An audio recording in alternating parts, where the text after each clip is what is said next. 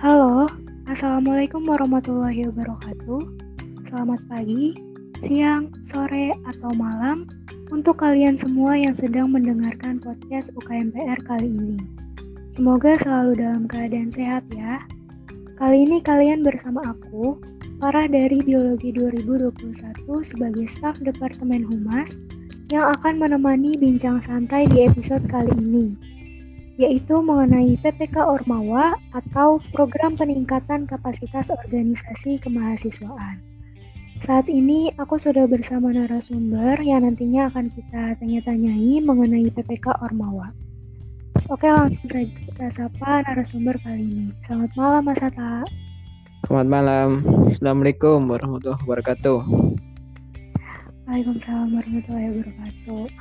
Oke, mungkin Mas Atta bisa memperkenalkan diri terlebih dahulu. Oke ya, nama saya Atta Larasya Lamsah, bisa dipanggil Atta dari jurusan manajemen 19. Alhamdulillah saya tahun ini diamanai sebagai kepala departemen baru Departemen Pengabdian Masyarakat. Salam kenal. Ya, salam kenal Mas. Uh, Oke, okay. sebelumnya aku ucapkan terima kasih kepada Mas Atta yang sudah meluangkan waktunya untuk bisa menjadi narasumber di bincang-bincang santai podcast UKMPR kali ini ya. Uh, baik, sebelumnya langsung saja dimulai untuk bincang-bincang santai UKMPR kali ini mengenai PPK atau Program Peningkatan Kapasitas Organisasi Kemahasiswaan. Uh, Oke okay, Mas, aku mau nanya Mas, menurut Mas Atta sendiri, apa sih itu PPK Ormawa? Program yang seperti apa PPK Ormawa itu Mas?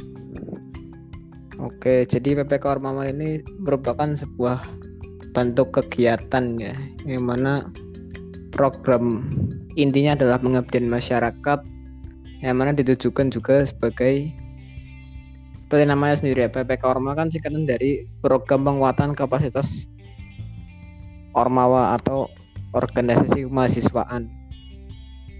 Nah jadi bentuk kegiatan ini itu pengabdian masyarakat yang di mana pelaksananya adalah Ormawa itu sendiri. Jadi ada dua sisi hal positif di sini dari tujuannya yaitu yang pertama pengabdian kepada masyarakat, yang kedua untuk meningkatkan kapasitas Ormawa dalam hal pengabdian masyarakat itu sendiri. Oke oke mas. Uh, terus kalau nggak salah dalam mengikuti PPK Ormawa itu ada topik-topik ada topik-topiknya gitu mas. Topik-topiknya itu seperti apa sih mas di PPK Ormawa ini? Oke, sebenarnya topiknya ada lumayan banyak ya, ada sekitar 13 topik gitu.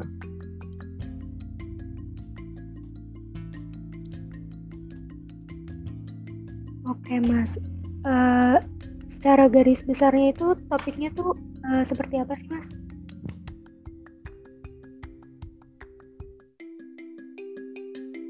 Ya banyak juga sih ya. Mungkin ada beberapa yang saya ingat.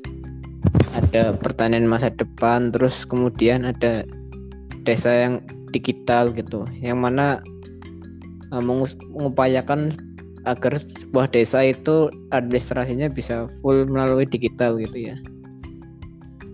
Tidak secara konvensional. Kemudian ada juga rumah inovasi dan lain sebagainya gitu. Oh oke okay, oke. Okay. uh, terus dari uh, Mas Atta sendiri apakah pernah ikut PPK Ormawa Mas? Oh ya jadi PPK Ormawa ini kan baru ada tahun ini ya Nah, PPK Ormawa ini juga sebenarnya sebagai program ya pengganti dari PHP 2D, Wiradesa dan P3D. Nah, itu tiga program tersebut itu ada di tahun lalu gitu. Yang mana juga berfokus pada pengabdian masyarakat. Nah, PPK Ormawa ini dibentuk sebagai pengganti dari tiga program tersebut. Kalau berarti alhamdulillah tahun ini juga ikut lagi gitu. Namun masih dalam proses seleksi di univ di universitas. Untuk sistem sistemnya sendiri mungkin agak berbeda ya. Karena di tahun lalu itu seperti PHP 2D uh, setiap ormawa bebas gitu mengajukan berapa. Dan tidak dibatasi gitu. Jadi uh, setiap ormawa bisa bikin terus diupload semua ke laman laman pengumpulannya gitu. Ntar informasi yang diterima siapa aja ormawanya yang yang akan melaksanakan kegiatannya. Namun kalau kali ini uh, berbeda. Nah kali ini tuh setiap ormawa hanya boleh mengajukan satu dan dikumpulkan dulu dalam univ ya dalam bentuk sub proposal kemudian diseleksi dan nanti dikirimkan beberapa. Kalau nggak salah jumlahnya adalah 10 sub proposal yang akan masuk ke proposal utama dan akan diajukan ke laman utama lamannya masih sama PHP 2D ya namun programnya berubah nama jadi PPK Ormawa nah seperti itu dan mulai tahun ini juga mendaftar lagi untuk mengikuti program tersebut. Oke, baik Mas. Uh, berarti uh, emang dari awal udah mengikuti dari P P2 PHD ya Mas. PHP Terus sampai 2D. PHP 2D sampai PPK Ormawa ini ya Mas. Uh, iya. Ya, oh iya apa sih? dulu Wira Desa sih. Ya. Oh, oke okay, oke, okay, Mas.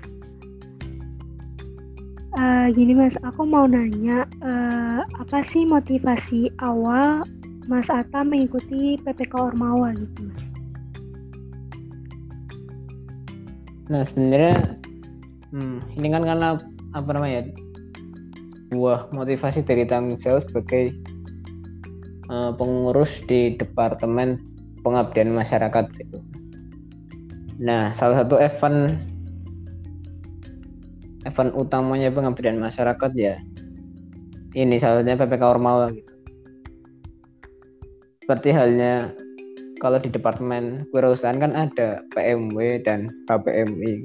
Kemudian ada event-event lain seperti business plan. Kemudian kalau di penalaran ya ada event-event seperti LKTI dan PKM. Nah, kalau di Departemen Pengabdian Masyarakat atau Pengmas sendiri ya event utamanya ya ini PPK Ormawa. Oke oke mas. Uh, terus uh, apakah bisa diceritakan sedikit mas uh, mengenai dari awal pemilihan topik, terus penyusunan proposal ya tadi, uh, terus berapa lama gitu uh, rencana kegiatannya gitu. Oke, jadi kalau dari panduan itu ya pelaksanaannya kan sekitar Juli sampai November gitu. Jika dinyatakan lolos. Nanti sampai tahap laporan akhir kemudian ada publikasi-publikasi tertentu gitu. Mungkin dalam hal jurnal pengabdian masyarakatnya. Nah, kalau cerita dalam pemilihan topik ya sebenarnya ini kan program baru gitu dan mana sebenarnya agak kaget juga sih karena di saya sendiri saya pikir gitu. PPK Ormawa merupakan kegiatan baru ya dari pengabdian masyarakat di samping program-program seperti PHP 2D, Wira Desa dan P3D gitu. Nah, nah di tahun lalu kan alhamdulillah KMPR lolos ya sebagai tim Wira Desa gitu. Yang mana Wira Desa bentuk pro, pengabdian masyarakat yang lebih fokus ke pemberdayaan UMKM. Alhamdulillah kemarin lolos sampai abdi daya dan dari apa reviewer kan datang visitasi dan itu hmm, dikabarkan ini berpotensi D. Ke mana kemarin kami Wira Desa itu tahun lalu di Desa Sokawera Kidul ya, Kecamatan Pantai Kreja. Nah itu. Kemudian pas tahun ini dibentuk Departemen Pengabdian Masyarakat ya supaya bisa lebih fokus menjalankan fungsi-fungsi dari pengabdian masyarakat itu sendiri ya. Karena dari evaluasi tahun lalu itu kan pengabdian masyarakat dipegang oleh presiden gitu yang mana kemarin agak keteteran lah. Nah, akhirnya karena memang udah ada wacana bahwa bikin departemen baru maka kemarin pada saat mubes disahkan departemen pengabdian masyarakat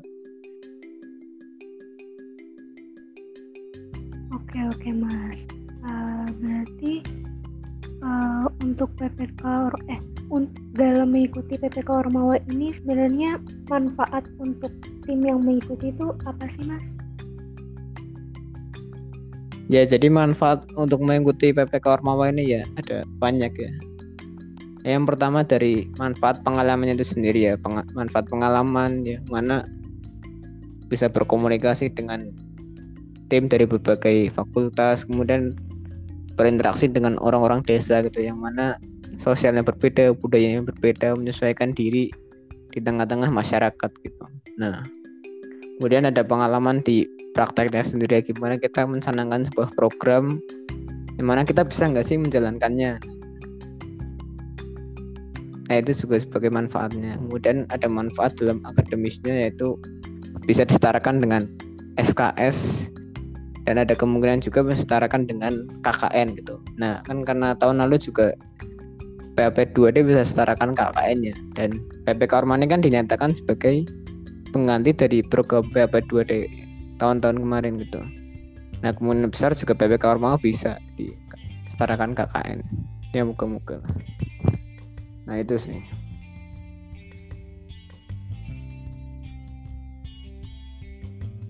Oke, semoga ya Mas. Uh, dari tadi dengar pengalaman Mas Ata gitu mengikuti PPK Ormawa ini, Aku mau nanya nih Mas, sampai saat ini apa aja sih uh, susah dan senangnya ketika mengikuti PPK Ormawa ini? Oh iya iya. Nah sebenarnya dimulai dari tadi ya apa namanya awal gitu ya. Karena sebenarnya ini kan dari Pengmas sendiri ya kita sudah menyiapkan desa Sokawera gitu, yang mana akan diurutkan ke P3D sebagai lanjutan dari program Wiradasa tahun lalu ya. Nah kemudian dari kami juga menyiapkan buat program lainnya seperti Bapak 2D dan Wiradesa ya. Itu menyiapkan satu desa yang namanya Desa Binangun gitu, yang mana potensinya itu lumayan bagus lah. Di mana desa itu kan Desa Binangun itu merupakan sebuah desa di daerah perbukitan gitu yang mana tidak bisa ditanami oleh tanaman-tanaman pertanian yang bentuknya sawah gitu karena tataran itu tidak rata. Karena hal tersebut maka perkebunannya kan bagus ya lebih fokus ke perkebunan dan potensinya banyak di bidang itu. Nah namun pada saat PPK Ormawa ini nah kami tawari loh untuk mengambil desa baru gitu ya namanya desa Karanggintung nah Karanggintung ini dekat lah dengan Univ ya sekitar cuman mungkin 3 sampai 5 km nah itu nah itu dari pembinaan kami. Ya disarankan untuk kerjasama gitu dengan komunitas Sudirman Energi Community atau SEC gitu ya. Yang mana lebih fokus pada bidang energi dan nantinya topik utama adalah pengembangan energi ya. Dari limbah-limbah ternak gitu lah intinya. Nah di tengah jalan ya emang karena mungkin berbeda ya berbeda organisasi gitu ya. Ya sebenarnya SET sendiri SEC itu sendiri masih belum UKM gitu ya masih komunitas mungkin karena berbeda maka koordinasinya agak sedikit susah gitu ya. karena belum saling mengenal terus jarang ketemu juga. Dalam pembuatan agak sedikit bingung gitu. Nah terus juga waktunya agak mepet gitu ya.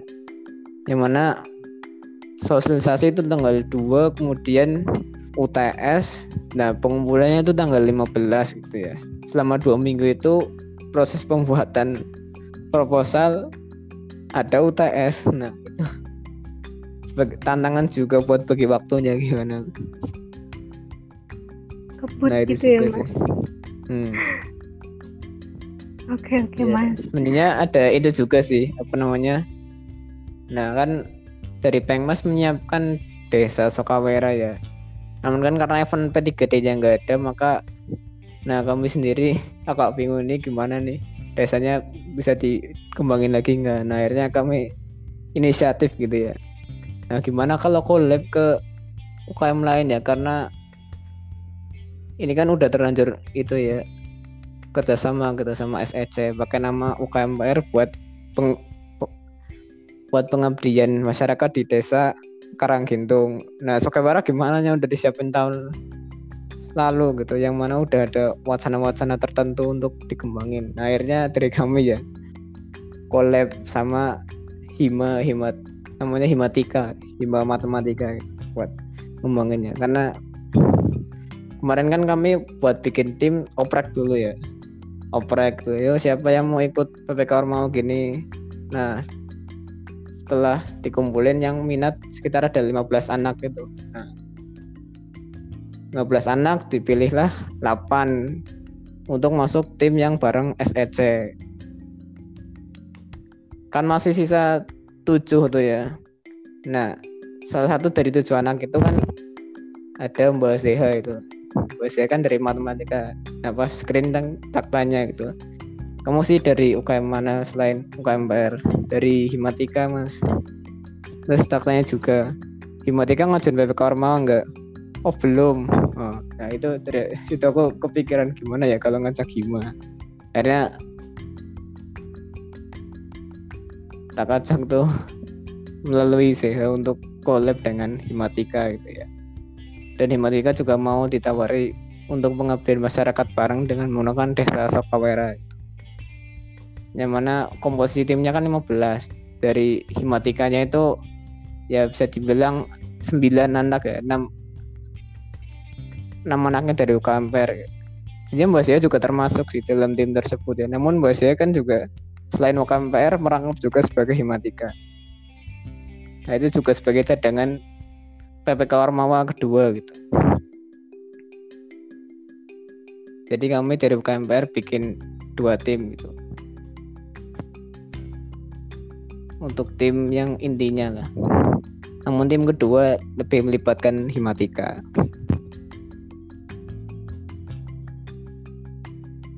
Oke oke mas, berarti eh, akhirnya yang desa Sukawera tadi udah terrealisasikan gitu ya ikut di PPK Ormawa ini ya. Oh, ya, ini sebenarnya masih daftar sih moga-moga diberikan terbaik lah. Amin amin mas. Ya karena ini kan masih tahap seleksi juga, masih tahap seleksi univ dan nanti terpilih sekitar 10 ntar di-upload ke pusat tanggal 24 ya moga-moga bisa diberi kelancaran Amin amin mas. Eh, Oke mas, Eh, lanjut. Eh, tidak terasa kita sudah di penghujung episode kali ini.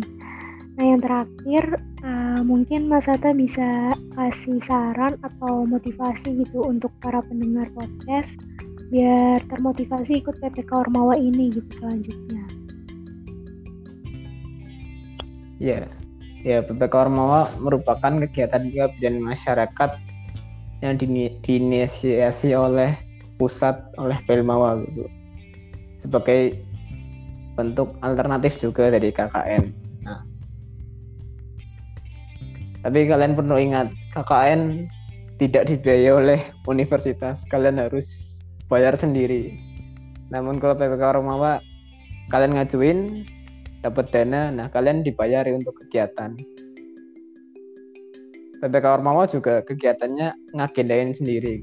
Jadi kalian bisa bebas ngatur waktu ya, misal kalian organisasi hari apa, akademik hari apa, tinggal diremukin, diagendain selama karena kegiatan sekitar 4 sampai 6 bulan kalian alokasikan ya setiap bulannya berapa hari gitu ya. Yang penting program jalan, nah itu kan lebih mudah daripada mungkin harus padat full satu bulan lebih untuk KKN. Nah itu manfaatnya. Oke oke mas, berarti harus diingat banget ya yang tadi kalau KKN itu tidak dibiayai UNIF gitu. Kalau Iya. PPK Ormawa dibiayai gitu ya, Mas. Iya. Oke. Eh, setelah mendengar penjelasan dan pengalaman Mas Atta mengenai PPK Ormawa ini, semoga pendengar bisa memahami lebih jauh apa itu PPK Ormawa ya. Baik, aku ucapkan sekali lagi terima kasih untuk Mas Atta yang sudah meluangkan waktunya ya Mas, dan semoga sukses selalu ke depannya untuk Mas Atta. Eh, aku tutup untuk podcast UKMPR kali ini. Kepada pendengar, terima kasih dan sampai ketemu lagi di episode podcast UKMPR selanjutnya. Wassalamualaikum warahmatullahi wabarakatuh. Waalaikumsalam.